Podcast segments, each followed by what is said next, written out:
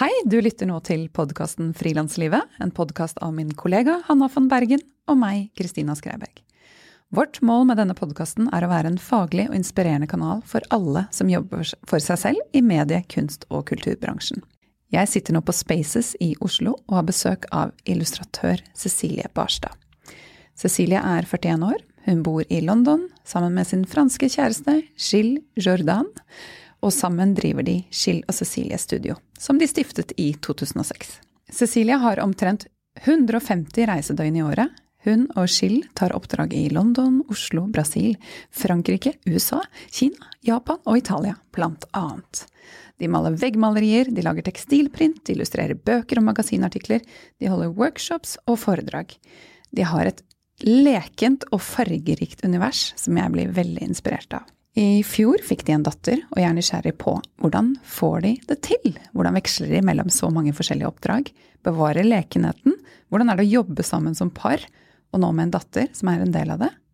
Cecilie er også veldig god på businessdelen av det, og på sosiale medier. Så jeg har masse jeg vil spørre om.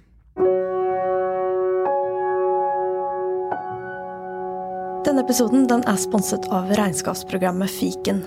Som frilanser er det mye du skal holde styr på, og mange syns kanskje ikke at eh, regnskap er det letteste å ta fatt i. Fiken har som mål å gjøre regnskap lett. I fiken kan du sende fakturaer, ta bilde av kvitteringer med fiken-appen, levere moms og skattemelding, alt fra samme sted. Du kan prøve gratis i 30 dager på fiken.no.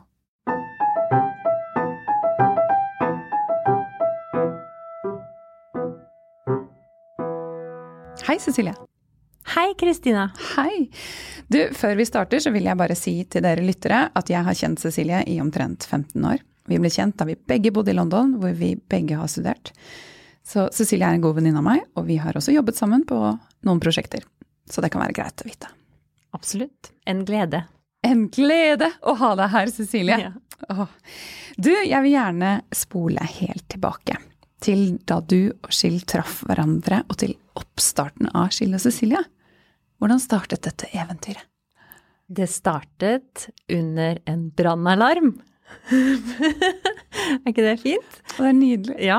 Um, så vi gikk jo på St. Martin sammen. Ikke i samme år, riktignok, men um, på samme tid. Og um, vi traff hverandre i gangene på Central St. Martins. Han holdt mye på med fotografi og fremkalling, uh, og jeg holdt mye på med silketrykk. Og disse to studiene var liksom uh, på hver sin side av en samme gang. Og de som kjenner til silketrykk og fotografi, vet at uh, det er mye venting uh, i fremkallingsprosessen. Så da henger man ofte i gangene, og da begynner man å prate sammen.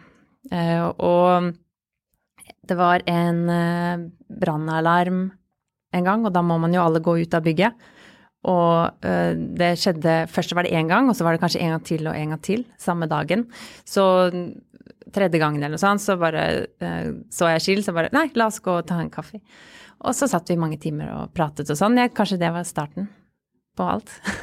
så fint. Ja. Du har også fortalt meg før at dere dro til Brasil og lagde noe, eller ble inspirert av eh, gatekunstmiljøet, og at det på en måte var starten eller var det som gjorde at dere bestemte dere for å satse? Selv? Det stemmer, ja. Så selvfølgelig brannalarmen var jo på en måte starten på kjærligheten. Ja. Uh, og uh, veldig uh, raskt, jeg tenker Kanskje året etter som vi ble kjærester, så reiste vi til Brasil. Seks eller åtte uker, kanskje? Åtte? Ja, sikkert to måneder. Det, var, det føltes ganske lenge. Eh, da hadde vi jo ikke på en måte telefon eller datamaskin eller noen ting, så vi var jo bare på tur med en ryggsekk. Eh, og så bodde vi litt i Sao Paulo, og der eh, ble vi kjent med en del kunstnere som jobbet mye med liksom veggmaleri og forskjellig håndverk og sånn. Og så så vi i den skalaen de kunne holde på, da. I Sao Paulo, som er en ganske tøff by, og hvordan, hva slags ambisjoner de hadde, eh, og kanskje lite midler, men, men fikk det til. Eh, og fikk til å jobbe med Nike eller eh, store merker og sånn. Så det syntes vi var kult. Så vi malte masse. Malte masse malerier med dem. Dro til Rio. Hadde et liksom telefonnummer fra folk. Og ta kontakt med han og han. Og så, ja Ble vi kjent med folk sånn veldig organisk. Og da bestemte vi oss. Når vi kommer tilbake til London, da begynner vi å leie et studio. Så vi kan get it going. Ja. Og så begynte Skille Cecilie studio. Yes. Dere jobber jo både med kommersielle aktører og kunstneriske prosjekter. Med oppdrag og med ting dere starter selv. Jeg kan ikke noen, nevne noen eksempler på jobbene dere har gjort. Kanskje det er noen du vil trekke frem i miksen? Det med å trekke fram noen prosjekter Jeg syns det er kjempespennende å jobbe med uh, kunder som uh, som tror på kreativiteten, og som ser at oi, disse folka er kreative. Her kan vi nesten spørre om hva som helst, og gjerne noe som er eh, utvikler. Liksom at man ikke spør om noe som er lagd før, men liksom du, vi har et problem, eller vi har en vegg eller en plass som trenger eh, noe personlighet. Hva foreslår dere? Og da kanskje det blir et veggmaleri, men kanskje det blir nye, et helt nytt møblement, eller kanskje det blir eh, en lydinstallasjon. Hva vet jeg. Det er, eh, det er, det som er spennende, da. De som faktisk ser at eh, vi kan jobbe på mange forskjellige plattformer, og ikke på en måte bare spør oss om å tegne en hest.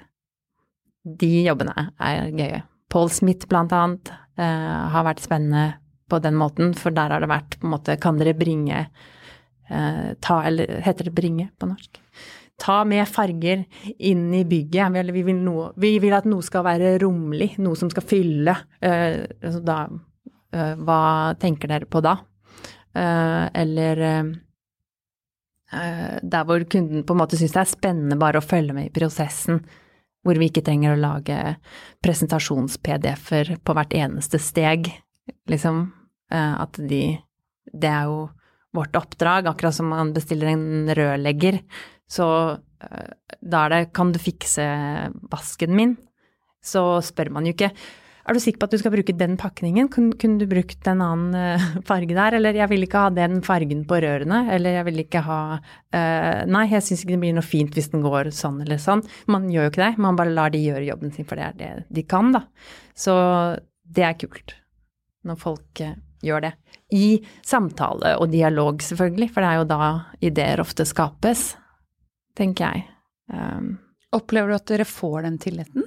Ja, vi gjør jo det. Veldig mye. Veldig mye. Noen ganger så blir man jo litt overrasket når folk liksom føler at de må ha kontroll, eller kanskje de ikke er helt sikre på hva det blir, eller ikke sant. Man er jo spent når man bestiller noe.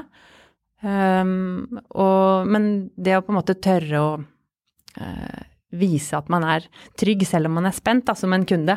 Jeg, jeg, forstår jo hvis man bestiller en helt ny drakt sant, til seg selv og vet ikke helt uh, hvordan det blir, men den kommer til å Det eneste du får på en måte først, er den kommer til å passe, og det kommer til å bli bra. Så gleder man seg jo til å prøve den, og håper jo at det passer. Uh, og da kan man jo selvfølgelig være litt nervøs, men prøve å ikke, ikke gi det til den som er utøver, da. For det kan være litt stressende å liksom få noen til å spørre er du sikker på at den passer hver dag. Har dere opplevd det? Ja, noen ganger så er det sånn. Og da må man eh, Det var med et veggmaleri for ikke så lenge siden nå. Eh, eh, det var i designprosessen, da. Men de var liksom De var på en måte så spent at det skal bli et maleri utendørs, og, og, og, var liksom jeg lurte på det, så jeg måtte Så jeg ringte jo opp nå som jeg har blitt litt eldre og har mer erfaring, så kunne jeg ringe liksom Du, det er jo ikke noen som er død. Dette er faktisk en veldig gøy uh, Altså, dere trenger jo ikke å være så nervøse. Dere har bestilt et kunstverk for å glede folk. Sa du det? Ja. Det er ingen som er død? Ja, jeg sa ja. jeg sa, jeg sa liksom Du, dere har bestilt et kunstverk. Det er liksom en gave, til, ja, gave til omgivelsene, og dere bør bare være stolt av dette. Uh, og vi uh, gjør uh, vi kommer til å lage et fint bilde, og det, og det kommer til å bli bra. Og, og liksom endringer, litt endringer kan man gjøre underveis. så det er Man trenger ikke å sitte og liksom være nervøs i over en måned liksom, før det kommer opp på veggen, da. Jeg sa at jeg, dette er jo ikke liksom noe å være worried. Eh, sånn på engelsk var det sånn Oh, we are so worried. Og da tenkte jeg det vil man jo spare til litt eh, vanskeligere situasjoner, tenker jeg, enn, enn å bestille et verk, da. Hvordan håndterte de den? Uh... De lo jo litt, da. det skjønner jeg, men jeg tenkte litt bare nei, åh. Det, det, jeg ringer og sier det. Uh, man, det hadde jeg jo ikke gjort før, liksom. Uh, men jeg tenkte litt, man må få litt perspektiv på ting. Ja, det var liksom sånn. Det er jo ikke liv og død det handler om, det var det jeg tenkte. Det var en god allegori, da. Ja. Tenker du det også når dere gjør oppdrag? At man kanskje ikke ja, trenger å være så redd, da? Ja, jeg er ikke veldig redd som person i det hele tatt, men noen ganger så kan man jo bli veldig stressa over alt man skal gjøre og alt man skal liksom ha på lista si og alt sånn. Men det er jo ikke Det er jo farlig, det er jo vårt på en måte livsverk.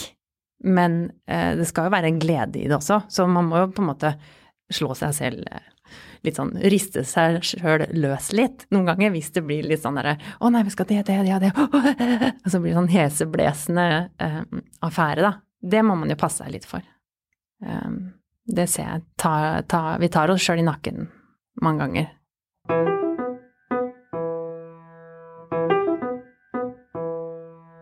Hvordan er det på en måte å veksle mellom mange forskjellige oppdrag, og små og store, og forholde dere til mange forskjellige mennesker? Altså hvordan For hodet ditt, tenker jeg, å koble deg på de forskjellige Eller hoppe mellom forskjellige prosjekter?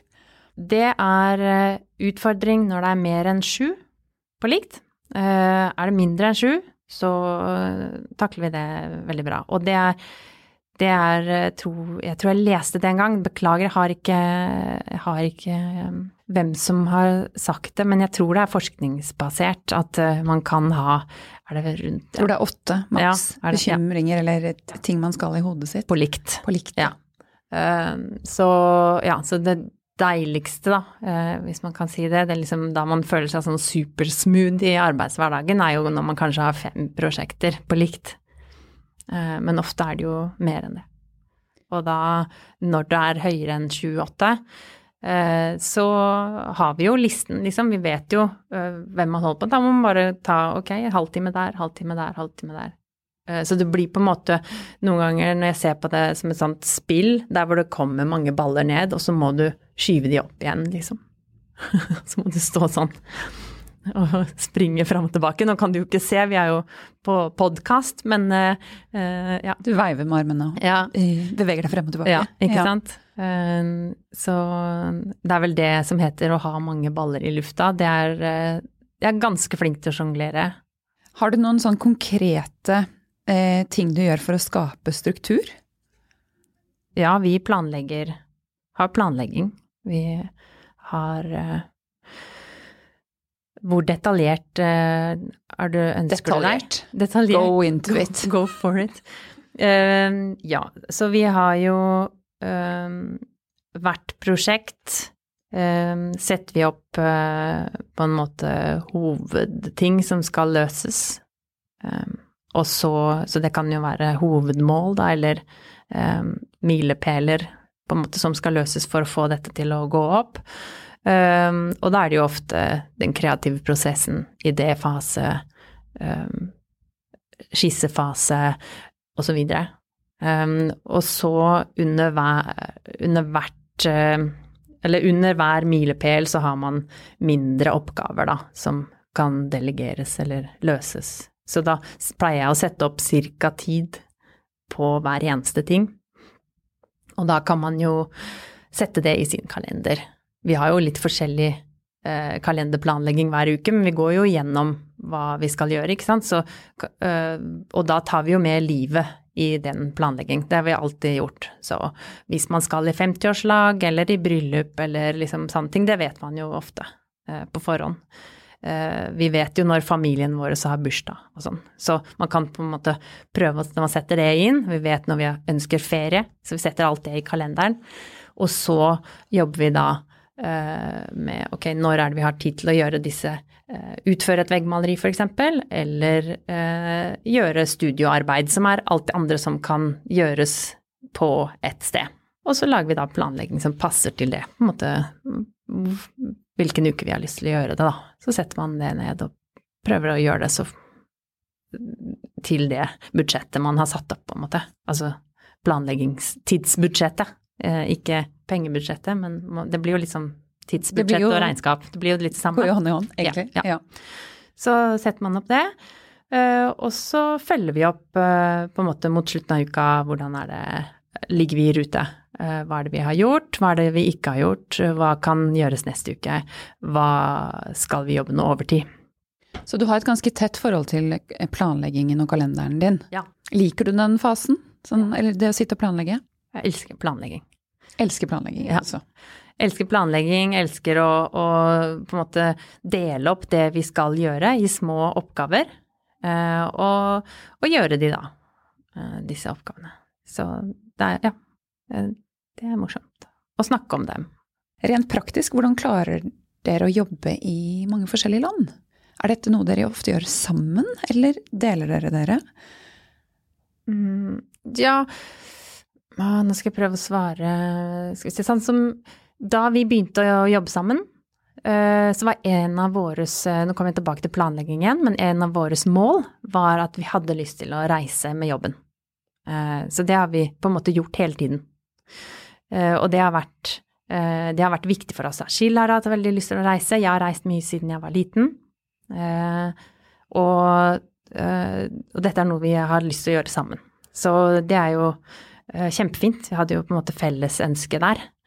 Så det er også en god foundation, eh, ikke sant, når man vil eh, jobbe sammen. Og, og mm, da har det jo vært eh, utfordringer med forskjellige typer kulturer og sånn, men vi har jo lært oss mye av det opp gjennom åra. Og kan jo sikkert på en måte ha et helt program der hvor man forteller om hvordan det er å jobbe med italienere eller engelskmenn eller amerikanere. Alle har jo hver sine stiler eller logistikk og Eh, arbeidsmetode. Vi jobber sammen meste, mesteparten av tida. Det er det vi har lyst til og det vi prøver på. Vi har ikke lyst til å, å på en måte vokse og sånn at Skill må være i ett land og jeg må være i et annet land. Da det er det ikke noe gøy. Noen ganger så må vi jo gjøre det. Sånn som nå. Ehm, så reiser jeg til London for å gjøre et oppdrag, og vi holder fortsatt på med et prosjekt her. Så da eh, deler vi oss opp. Og det er kjempefint med å være to, så kan man på en måte få gjort to ting på en gang. Og det elsker jeg også, da. Fordi da får man liksom yes, progress. da går det fort unna. Um, så jeg tenker det å jobbe i forskjellige land er at man må være åpen for at folk tenker annerledes enn deg selv.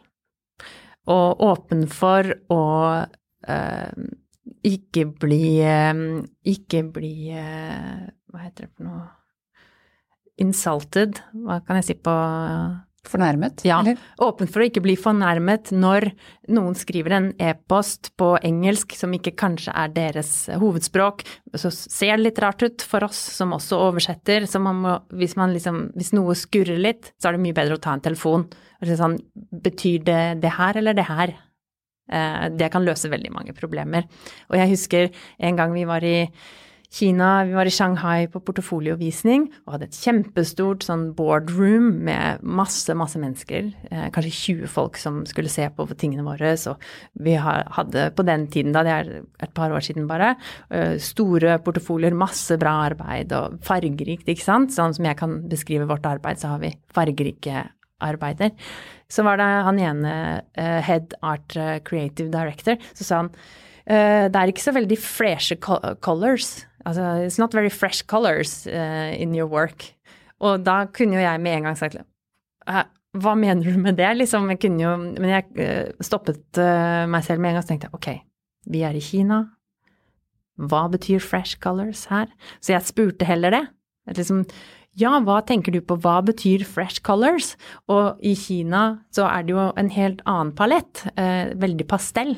Og det er helt sant, vi har veldig sjelden pastellfarger, eh, men vi da sa vi kan godt jobbe med pastellfarger, vi, eh, hvis det ønskes. Eh, for vi har veldig mye sterke farger, altså veldig saturert palett. Og så så fikk vi et prosjekt da med, som vi kunne gjøre pastellfarger. Fresh colors. Fresh colors. Ja, og da lærte man jo det. Og det står jo ikke i noen manual, så man må jo på en måte istedenfor å svare med en gang, akkurat som det var en kritikk, Det var det jo ikke det. det var, um, ja. Det syns jeg er spennende. Sånne små forskjeller. Skill og du, da dere begynte å jobbe sammen, hvordan, hvordan så dere at dere var en match på uttrykk? For det er jo ikke gitt at man vil skape det samme. Nei, det... Og er dere alltid enige at dere vil, i uttrykket dere vil skape?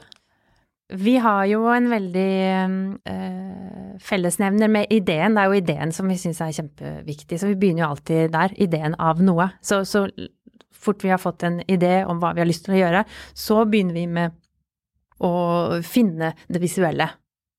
Uh, og hver for oss så har vi ganske ulik um, hvis du kan kalle det stil eller uttrykk. Eh, men så vi har jo på en måte skapt en tredjeperson, eller et, tre, et felles, en felles uttrykk.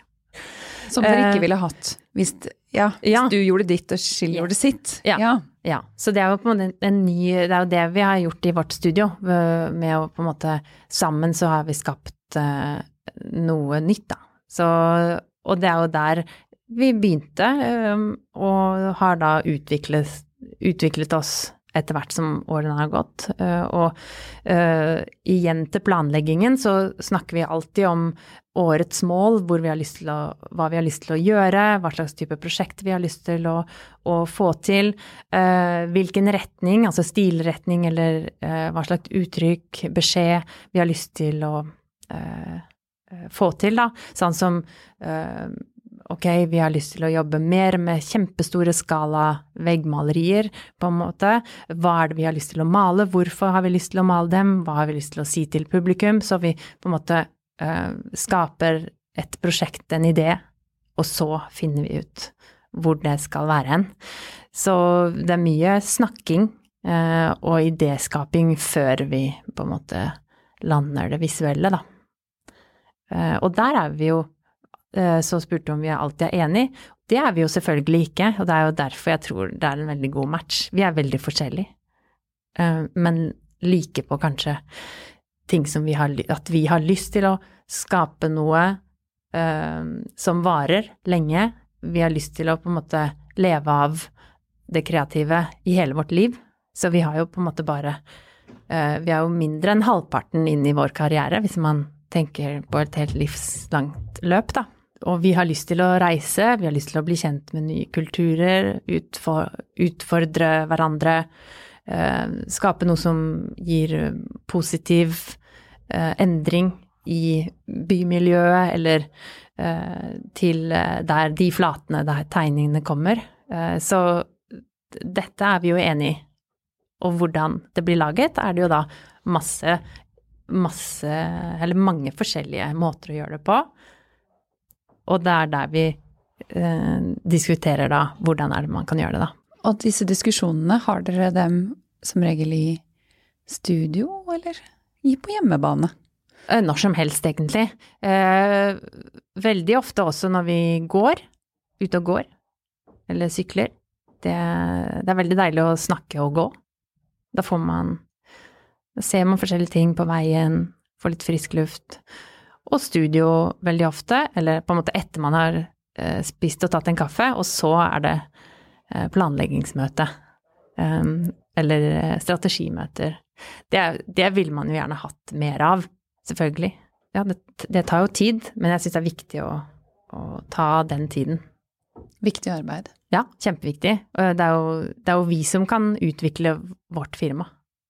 Så hvis vi ender opp med å bare jobbe med en måte oppgaveting. Altså hente den, eh, kopiere den, skrive ut dette, som er ting som enhver eh, person kunne hatt gjort, eller eh, det blir litt dumt å bare gjøre det. Så man må prøve å frigjøre seg fra sånne, sånne type oppgaver, da.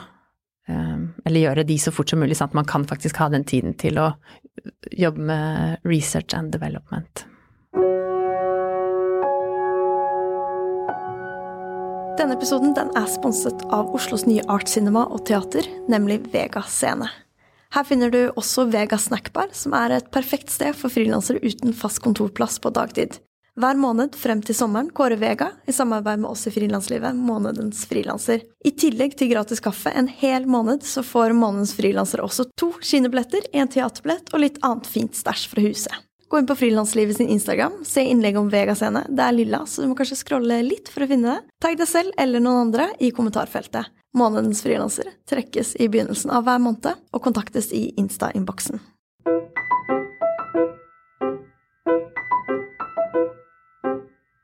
Har dere de definerte roller? Nei, ikke helt, eh, fordi eh, vi liker forandring, begge to. Det er altså en annen ting som vi er eh, enige om. Og mm, det er derfor vi har mange forskjellige typer prosjekter. Og vi deler også på rollene våre. Så vi pleier Ja, altså, man kan jo si Vi deler på å være prosjektleder på, på jobber. Jeg har ofte ansvar for Skandinavia, siden jeg snakker norsk. Og Skill har ofte ansvar for Frankrike og Italia, blant annet. Og så deler vi på England og Amerika og andre, uh, andre land, da. Men har dere eh, forskjellige egenskaper som ja. utøvere? Ja, ja, det har vi.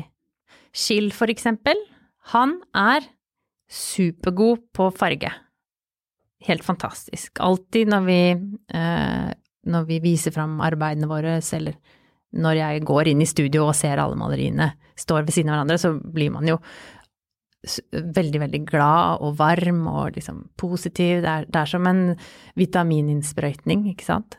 Um, han er kjempeflink til å lage kombinasjoner som passer, men også som er utfordrende. Også det å kunne um, ikke bare lage det som er den letteste kombinasjonen, men få inn farger som gjør at det blir brodd i eh, arbeidet, da, og, sier, og gir forskjellige um, uttrykk, da. Det spørs jo hva slags arbeid det er til.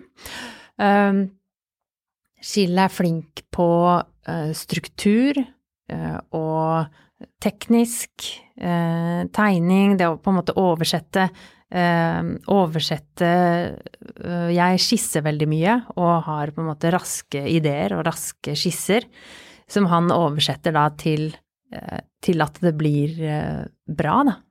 Design. Um, for jeg har ofte Jeg ser Har et eg, rart perspektiv. Jeg vet ikke om det heter rart. Ting, jeg ser ting, men jeg, eh, det, jeg forstår ikke helt hvordan perspektivet fungerer. Mens hvis Skill ser på noen ting og tegner det, så ser det riktig ut, eller på en måte fotografisk. Så han er jo skolert den måten. Han har gått på kunstskole også, der hvor man lærer alle de klassiske teknikkene. Uh, mens jeg har lært å tegne på egen hånd, egentlig. Altså med å bare tegne. Eh, og jeg gikk på St. Martins, men det var jo ikke et tegneskole, så eh, jeg trodde aldri at jeg skulle bli illustratør, for jeg var ikke noe flink til å tegne sånn som eh, korrekt, på en måte, men det er sikkert derfor det har blitt eh, bra, fordi jeg har bare min egen stil. Eh, og det vet jeg jo nå i dag, når man ser hvordan eh, hvordan det fungerer, så er det jo ofte eh, Det er jo din egen stil og uttrykk som er det viktigste, og ikke, kunne, og ikke det å kunne tegne fotografisk riktig. Sånn at eh, Men det visste jeg jo ikke da jeg var ung. Eh, så jeg tror det er ganske kult at vi har forskjellig perspektiv å se på ting, og så møtes det. Annen egenskap jeg Hva er det jeg er flink til? Jeg må liksom tenke på det. Tre ting jeg er flink til. Eh, jeg er flink til å fortelle om eh, Eller fortelle om hva vi gjør, og hva vi har lyst til å gjøre. Eh, flink til å bli kjent med mennesker som jeg kan Altså nettverket som kan være bra for vår, vår fremtid og ambisjoner, da, til å være med på reisen. Jeg er flink til å tro på oss. Det er ganske viktig. Um, flink til å sette ting i gang? Ja, det også. Og så har jeg masse ideer. Eh, det til tider kan være litt slitsomt. Men jeg har funnet en måte Jeg skriver dem ned, så jeg har en bok. Um, sånn at i tilfelle liksom det stopper opp, så kan jeg i hvert fall se i den boka. Um, for det Alt kan jo ikke realiseres, men det, man vet aldri når noen sånne gamle ideer kommer til nytte.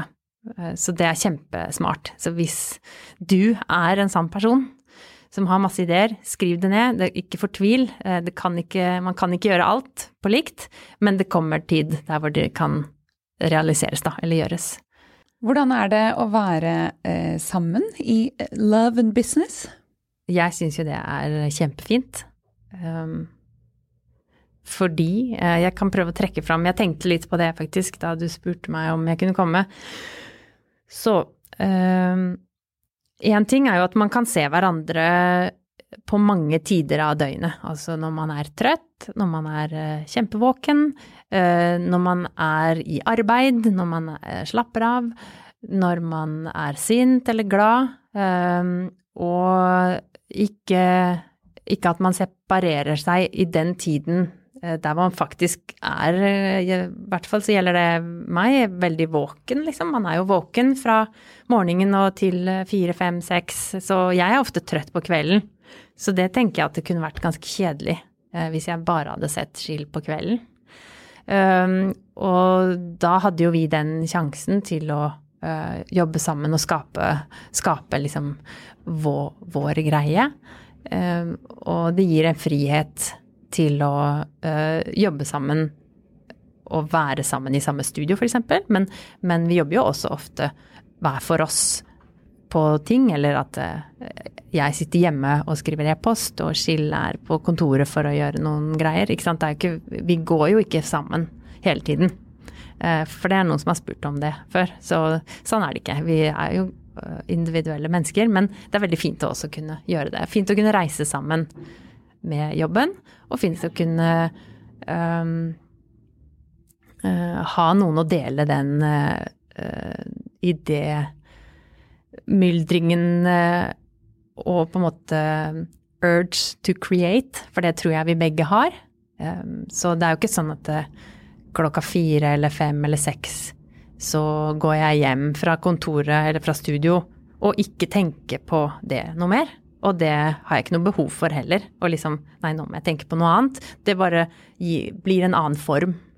Da ofte går jeg hjem og tegner, f.eks. For, for glede. Eller strikker, eller Eller det er feil, hekler. Eh, eller eh, lager noe greier. Eller eh, lager mat som jeg syns er kjempegøy. Så det blir liksom da går bare kreativiteten over i en annen form. Um, så det er absolutt en sånn um, altoppslukende eh, tilværelse, da. Det er jo det. Så hvis man Hvis jeg virkelig trenger en å fri, så må jeg gå ut og løpe eller noe sånt.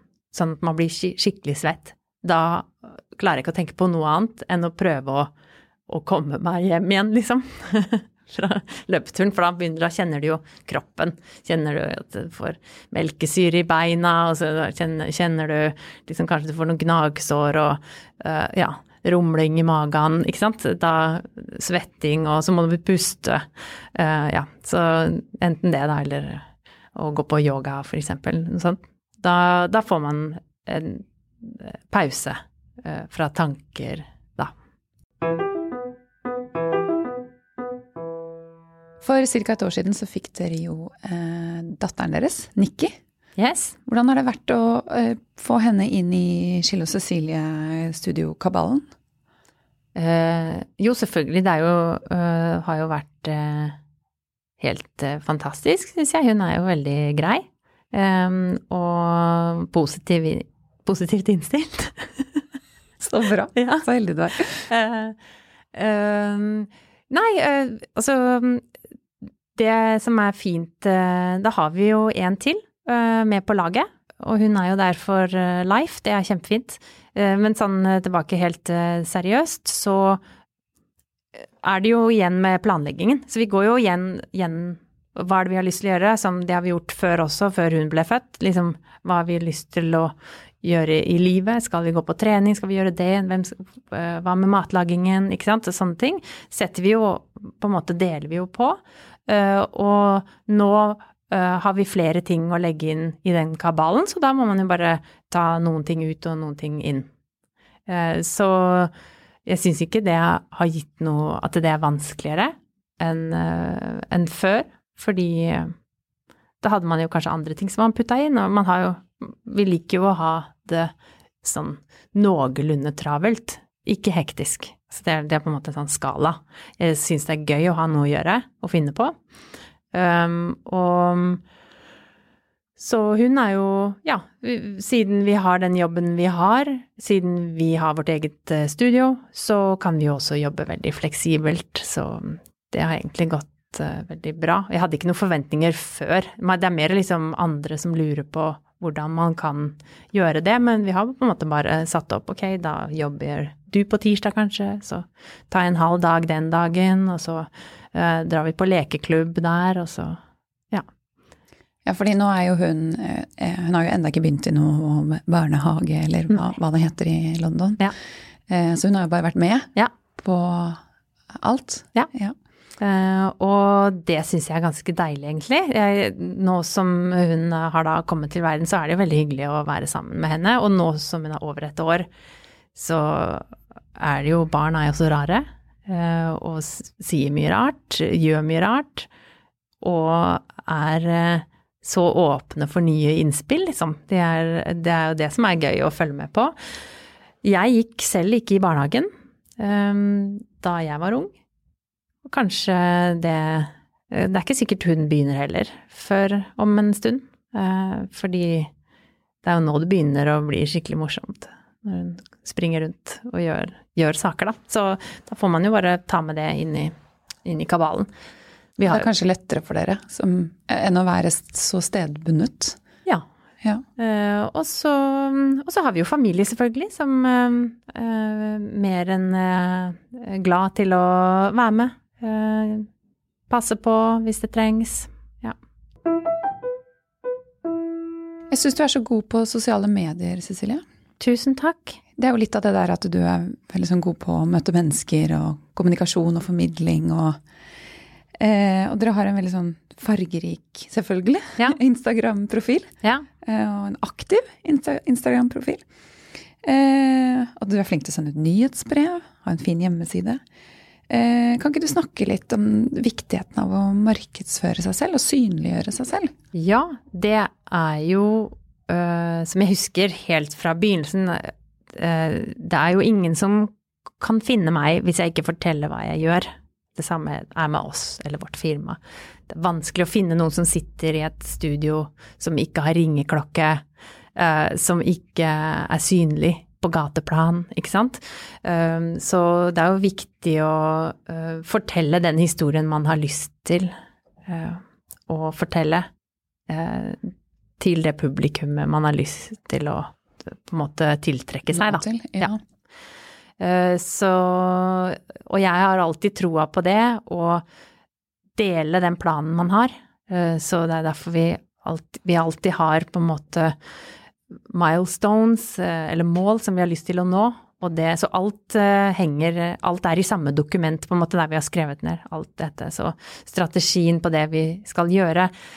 Social media og uh, markedsføring er jo det samme. Så for å nå de ti målene, hvis vi har lyst til å male Eh, jeg kan lage et eksempel, da. Hvis vi har lyst til å gjøre et eller annet drømmeprosjekt, så må jo våre eh, sosiale medier fortelle om det, på en måte. Eller jeg må fortelle hvert møte vi går i for å vise portefolio, så var by the way, vi ser etter eh, Det har vært kult å jobbe sammen med dere, og kanskje på et prosjekt som involverer lys og øh, filming, og kanskje liksom noe som er på toppen av et fjell. Så neste gang den kunden på en måte øh, ser Eller får inn en jobb med Bergans, da, jeg vet ikke, eller et flyselskap som Ja, vi skal fly over et fjell, og øh, da Ja, Skill og Cecilie, de har lyst til det.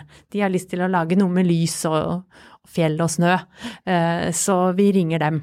Eh, for folk har ofte lyst til å hjelpe deg på veien, så jeg prøver så ofte jeg kan å si eh, dette har vi lyst til å gjøre, eller dette har vi lyst til å få til.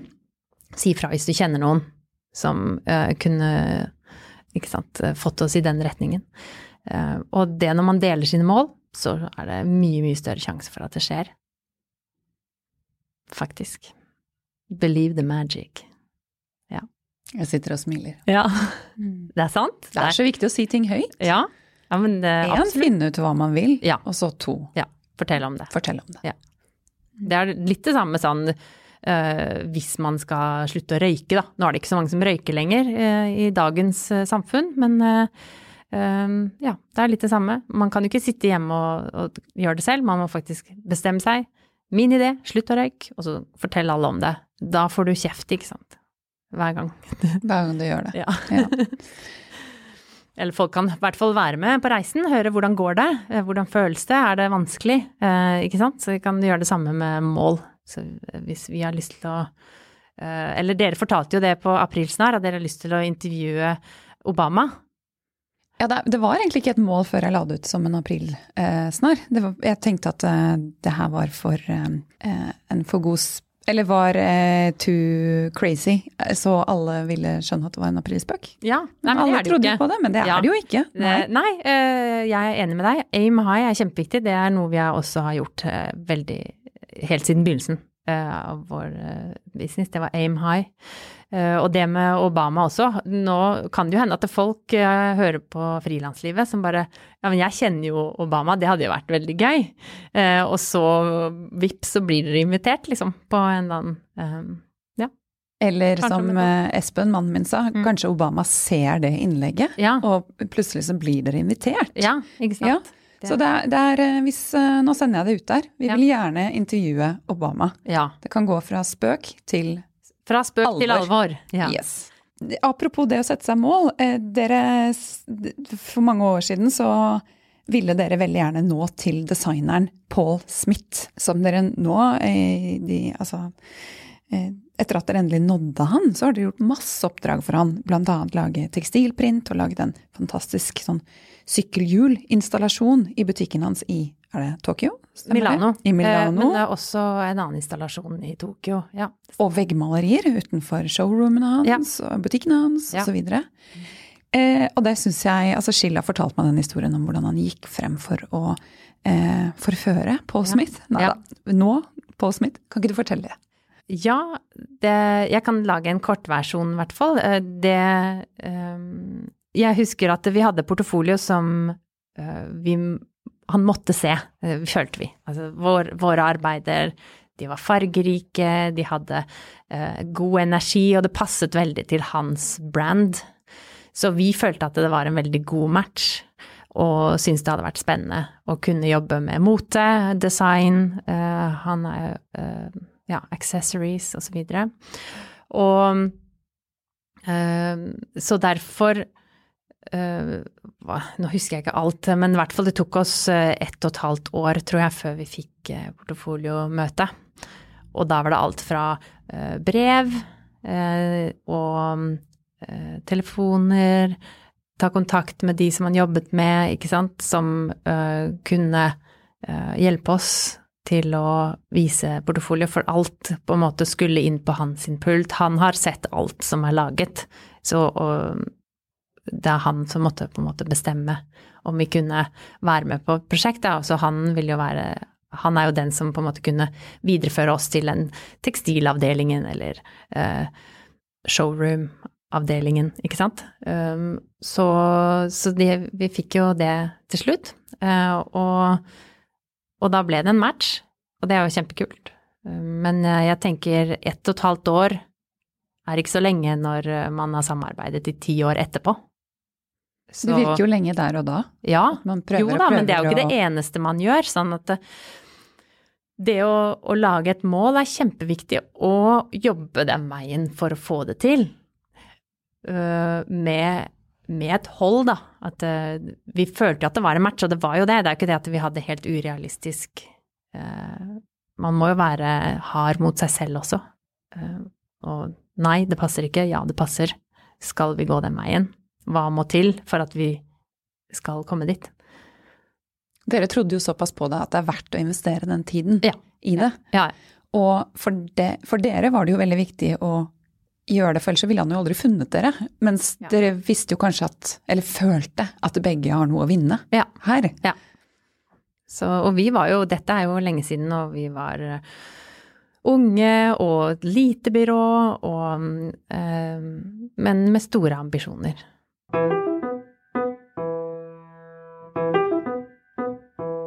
Men da dere kom hjem til, eh, eller tilbake til London etter denne reisen i Brasil og hadde bestemt dere for å starte, eh, altså helt konkret, hvordan gikk dere frem for å begynne å få oppdrag og sette i gang?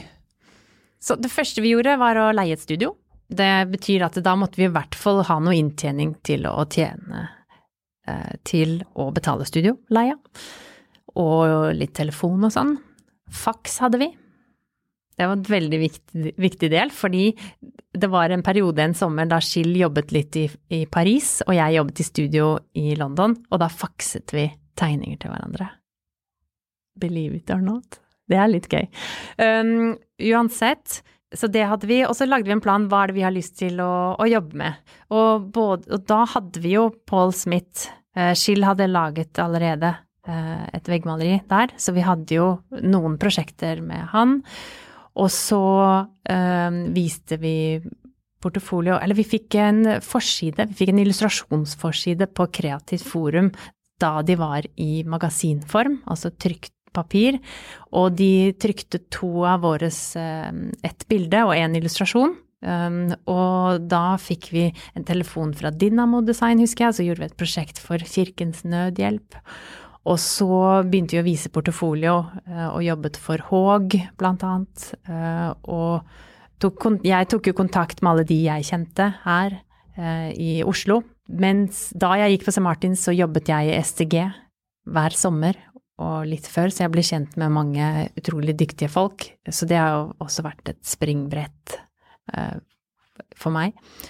Uh, og, så vi begynte der, rett og slett. Ta kontakt med folk som vi kjente. Så det er tilbake til det å på en måte Hvem er det som er Hvis man tegner på et papir, en sirkel, hvor det står 'meg' i midten, eller mitt firma, og så står det rundt, så er det familien, og så er det kanskje venner, lærere, øh, øh, personer som du kjenner, liksom naboen osv., og, og forteller du dem først hva du driver med, så forteller de de andre, og så på en måte sprer det seg ut, da, som en, øh, som en dråpe uh, i havet blir til store bølger.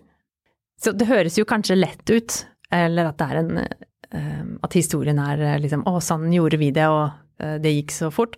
Men det er det jo ikke. Man tjener jo lite med en gang. Det er mange utfordringer på veien hele tiden.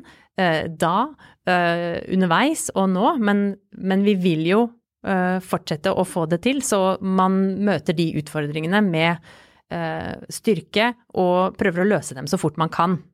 Så det er liksom Det er den worst first. Det er det beste man kan gjøre når man står opp og føler at man må rive av seg håret.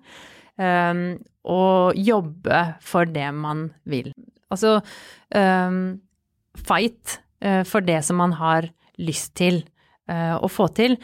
Og uansett så har jeg tenkt på det, det er jo ingen som har sagt at det skal være lett. Så jeg tenker dette er jo det som er viktig. Og uh, jeg har lest mange ganger om lykke, uh, og hva lykke betyr. Og det er jo ofte det å ha noe meaningful å gjøre. Uh, ha en utfordring. Så, så lenge det, ja, når det kommer mer enn åtte prosjekter på samtidig, da er det for mye utfordring, og da kan man fort bli litt sliten, og det er vanskelig. Men så kommer man tilbake igjen, og så er man liksom på det planet man ønsker å være. Og også den kombinasjonen, da har man jo en bra arbeidsdag. Så ja. Det skal ikke være lett. Enig, det skal ikke være lett. Ja. Det er ikke det som er poenget med det hele? Nei, det er, det er ikke vårt hovedmål. At så, det skal være lett? Nei. Så det er jo viktig da å sette det i, i målene sine, da. Hvis man vil at det, det, skal være lett, da må man liksom ha det helt fra bunnen av i strategien overalt, liksom. Jeg vil ha en lett jobb. Da er det kanskje ikke eh, det å starte egen bedrift, da, som er eh, løsningen. Eh, Cecilie, jeg syns det er fint å avslutte der. For det er aim high og alt det der. Det er et ja, godt budskap. Det er kjempegodt budskap å sitte ned, ta deg eh, Det forteller jeg ofte til eh, studenter når jeg underviser, eksempel, eller holder et foredrag liksom fra drøm til virkelighet. Det er jo kjempeviktig å bare lage den listen. Hva er de ti tingene man skulle ønske at man hadde gjort da, om tre år? Og så kan man jobbe seg bakover. Litt sånn som Einstein gjorde. Tror jeg han, han øh, på en måte så for seg en løsning, og så jobbet han bakover for å fylle inn hullene. Eh, så man kan jo jobbe både fra på en måte fremtiden og nå, og så møtes det i midten på en eller annen måte. Og, og det å tro på at det kommer til å skje. Så nå også har vi masse eh, store mål som jeg gleder meg til å begynne på. Og så når man får litt mer erfaring, så er det sånn Det er jo på en måte ikke en eh, ende på hva man kan få til, da. Så jeg føler det er nå det begynner. Jeg gleder meg til å følge dere. Ja, takk. Takk, Cecilie. Tusen takk for meg.